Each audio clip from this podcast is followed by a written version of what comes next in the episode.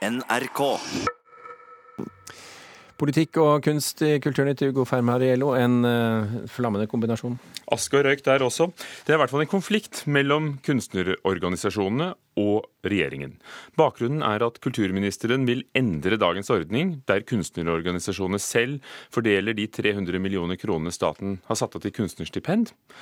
Og kulturminister Linda Hofstad Helleland er med på å skape kunstnerforakt. Det mener i hvert fall styreleder Hilde Tørdal i Norske Billedkunstnere. Jeg mener det at eh, tilliten mellom kulturministeren og kunstnerne nå er i ferd med å forsvinne. I framtida skal kunstnerorganisasjonene bare få foreslå hvem som skal sitte i disse komiteene. Da kan det hende at det ikke lenger bare er kunstnere som bestemmer hvem som skal få sitte i de komiteene. Vi kan ikke eh, ha det slik at, eh, at folk, alle mulige folk kan sitte i disse komiteene. Vi trenger å ha eh, folk som har peiling på maleri, som har peiling på grafikk, som har peiling på litteratur. Eh, og som eh, er utøvere i eh, disse disiplinene selv. Kristine Næss, som leder Forfatterforeningens stipendkomité, sier at de tolker endringene fra Helleland som en mistillit.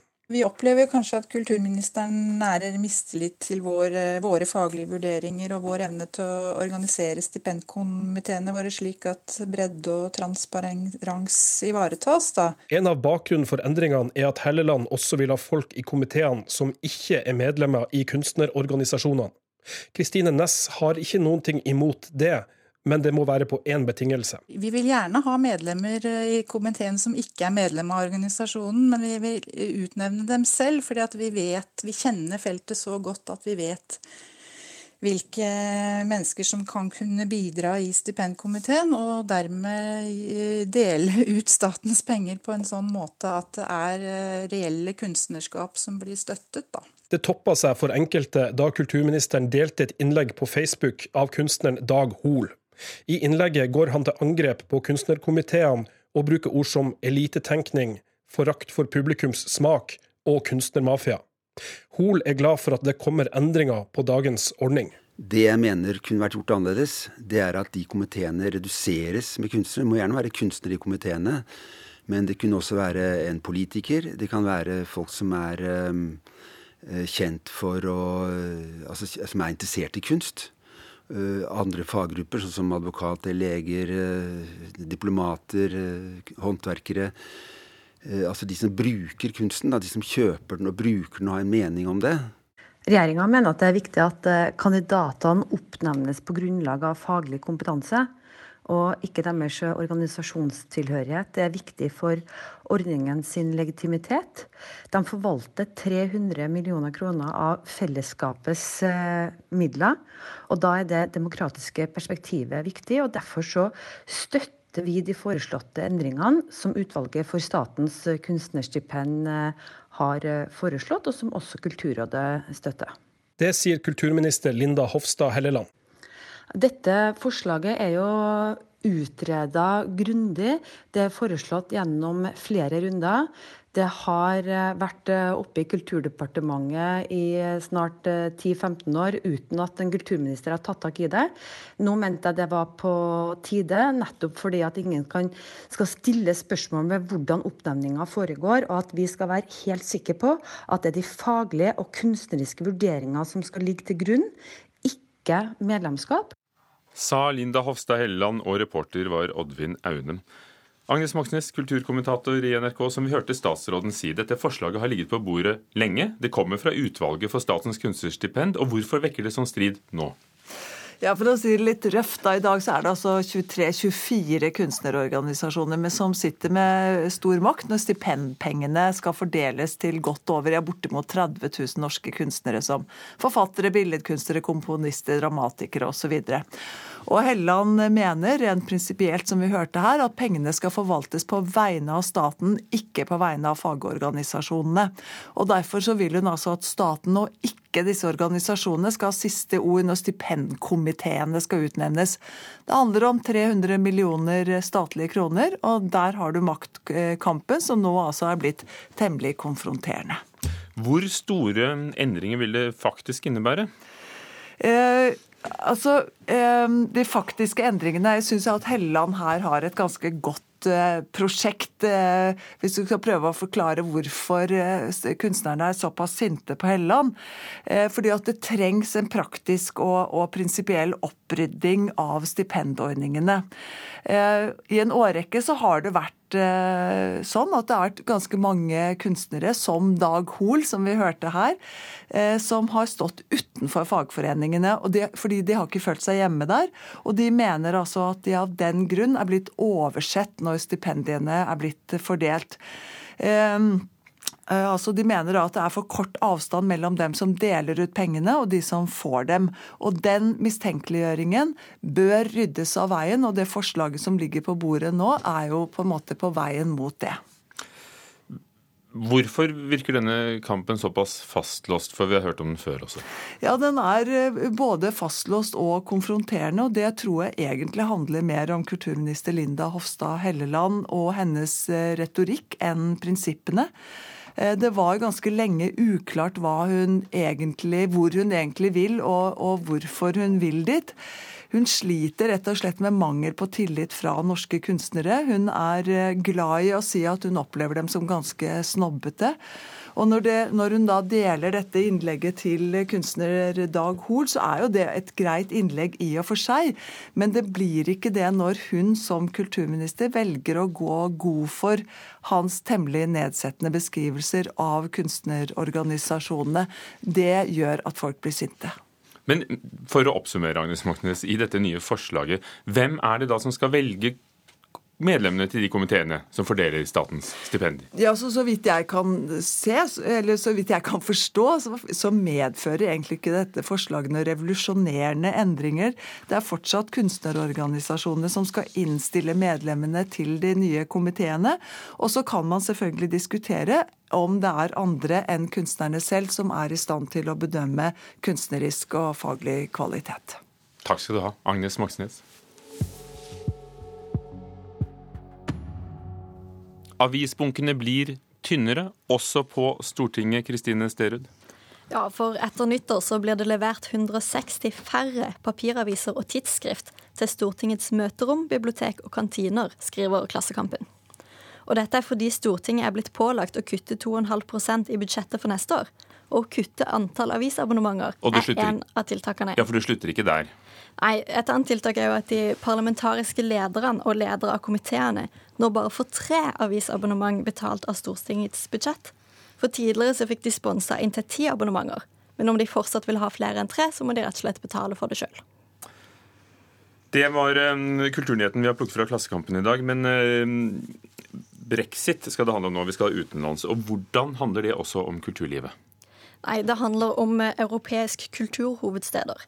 Fordi Storbritannia får ikke lenger lov til å være med og søke om å bli en av de. Og det er syv britiske byer som i lang tid har jobba med søknader for å få tittelen. Men nå blir ikke det noe av. Og til BBC så sier jo flere av dem at de er selvfølgelig eh, skuffet og sjokkert. Og, og, og hvorfor skjer ikke dette? Nei, Det er rett og slett en av, en av, de konkrete konsekvensene av at Storbritannia melder seg ut av EU. For det er Europakommisjonen som sier nei, og dette er bare en uke før, eh, før kulturhovedstaden for 2023 blir annonsert.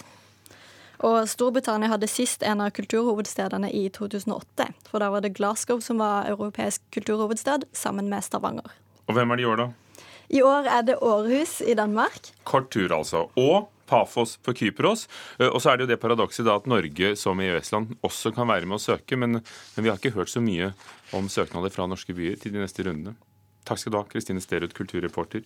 Det er mange som vil gi eventyrfiguren Askepott bein i nesa denne høsten. I Bergen har Askepott stått på hovedscenen siden midten av oktober, og til helgen er det Nordland Teaters tur. Og i tillegg så har Askepott fått sin egen julemusikal.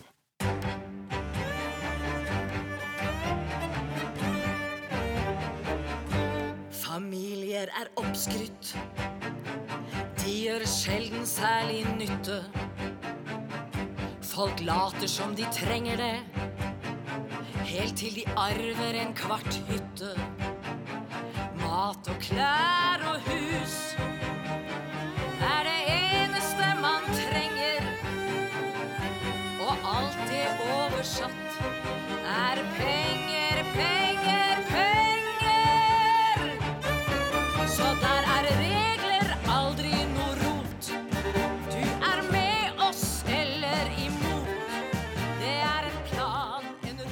Fru Ferdelip, spilt av Hilde Lyron, som sang, og musikken er kombinert av Bjørge Verbånd. Askepotts jul hadde premiere på Latter, vanligvis en standup-scene i Oslo, og spilles frem til jul. Karin Frøsland Nystøl, vår teaterkritiker. Trenger vi en musikal om Askepott? Ja, det kan vi spørre om. Vi trenger teater som vil noe, og det vil denne musikalen. Når det er sagt, så er det mange eventyrfigurer, mange prinsesser, som hentes opp på teaterscenen denne høsten. Du nevnte jo tre stykk Askepott sjøl. Eh, Snøhvit spilles i Oslo, og Den lille havfruen har vært ved Barneteatret vårt i Ålesund. Og flere juleforestillinger har mye eventyrelementer i seg. Um, og alle snakker om at de vil gi disse prinsessene bein i nesa, og gjerne prinsen òg, for så vidt. At det skal være mer enn en karakter som passivt sitter og er snill og venter på at noen skal komme og redde en, men en karakter som er sta og rampete og tøff. Og eh, Askepotts jul, musikalen, er en slags sånn mild lusing til troa på at det ordner seg automatisk for snille jenter. Får de det til å, å skape et eventyr der Askepott Eh, får mer eh, bein i nesa? Ja, langt på vei så gjør de det. Askepott er en veldig integrert karakter som tror på seg sjøl og tenker at dette kan jeg fikse sjøl om hun står midt i elendigheten. Eh, hun aksepterer skjebnen sin på en måte. Eh, hun er ganske snill, men tøff samtidig. Så det er en god kombinasjon i denne karakteren her. Men en magisk inngripen redder hun denne gangen likevel. Og det syns jeg er litt dumt, for da ordner det seg likevel for snille jenter uten så veldig mye kamp. Men musikalen tar opp veldig viktige tema, syns jeg. Blant annet som voksne, voksne sin definisjonsmakt over barn, som utøves ganske brutalt av stemora som tar fra Askepott Askepott navnet hennes og gir henne et nytt og nekter å ha den identiteten hun egentlig har. Ansvar som skyves over fra voksne til barn eh, av typen når stemora sier 'vil du være en løsning eller et problem'? Eh, sånne tema kjenner barn seg igjen, tror jeg, eh, i. Og vi sitter der, vi heier på Askepott. Og hun er som sagt en veldig integrert karakter, men det, det bør guttene i forestillinga òg være. For her har vi bl.a. en greve som, som er så, så, skrullete på et vis. En, bare en av prinsen sine venner, men han spilles, han spilles med så veldig hypermobile håndledd og veldig stereotypi... Stereotyp, han er en stereotyp. Skrullete, ja. altså, som dette, du sier. Dette her må vi, altså det, det, å like andre gutter krever ikke hypermobile håndledd. Uh, og jeg tenker at her må vi tenke på hvordan vi framstiller guttekarakterer som alle kan kjenne seg igjen i. Og Det er Jannike og Stian Barsnes eh, Simonsen som har laget eh, musikalen. Han siste drar noen kanskje kjensel på, kjent programleder fra TV tidligere. Hvor vellykket er dette i sin sjanger? Jo, det er ganske bra. Det er i ørefallende musikk. Det er godt musikkteater med mange referanser til musikaler som Annie og Les Miserables og forskjellig som vi kjenner godt til. Eh, musikken har et godt driv, har hint av filmmusikk fra Disney-filmer og lignende i seg. Koreografien den sitter godt. Eh, det er et tight ensemble, et veldig godt barneensemble. Eh, men jeg, jeg stusser over at ballet på Slottet er bytta ut med et realityshow der du må melde deg på for å vinne prinsen prinsen sin gunst, og, og forskjellige jenter stiller opp med både puppe og rumpe og muffins som er hjemmebakte. Her må det gjøres noe, syns jeg. Og hvis de gjør det, er det en musikal som er kommet for å bli en tradisjon? Ja, med, med noen innstramminger så er det en musikal som kan leve ei stund. Takk, Karin Frøsland Nystøl. 'Askepotts jul' på Latter eh, i Oslo, helgens premiere.